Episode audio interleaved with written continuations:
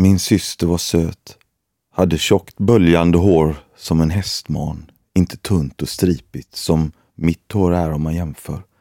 Nej, det var tjockt. Jag älskade hennes hår. Jag brukade hålla i det, klappa henne i pannan. Kände alltid att det fanns kontakt samtidigt som det var en Berlinmur mellan oss.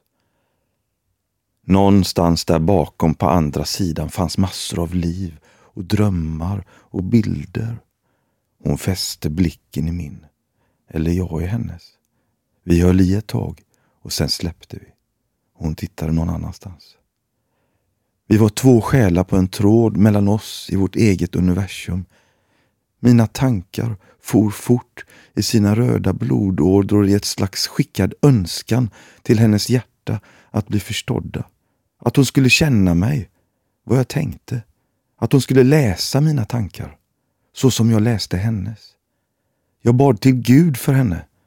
Jag tror inte på Gud i skägg. Men jag bad. Jag tyckte synd om henne. Jag fick skuldkänslor för henne. Jag åkte till USA bort från henne. Jag borde träffat henne mer. Hon brukade komma till oss på varietén. Det var fint. Hon och hennes kompisar, de satt på högersidan sett från scen. Jag försökte uppträda för henne med. Hon brukade titta ner i asfalten. Men det kändes bra att hon kom. Sen åkte vi Peter Pan. Jag kramade henne många gånger. Om vi satt i soffan då hon bodde på sitt vårdhem, en villa i Torslanda, så kunde jag känna elektriciteten mellan oss. Jag fick gåshud av att sitta bredvid min utvecklingsstörda och handikappade syster. Jag hatar verkligen det ordet. Utvecklingsstörd. Hon var en annorlunda människa. Förhindrad att göra det alla vi andra gör. Det där ordet reducerar henne till ett begrepp som är för kallt.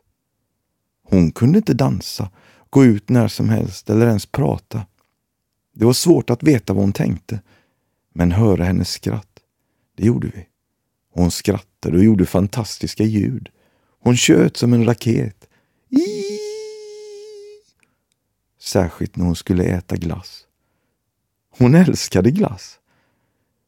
Hon gick bort 2005 efter att inte ha ätit på tio dagar. Kanske var det en befrielse att slippa vara inspärrad i sin kropp på det viset. När hon var yngre och kunde gå var det fart på henne. Hon gick på tå. Kanske visste hon mycket mer än vi trodde. Alltid är hon i mig, vart jag än är. Hur jag än står vet jag om att jag har en syster som jag älskade. Hon hette Marie-Louise. Nu vet ni det också.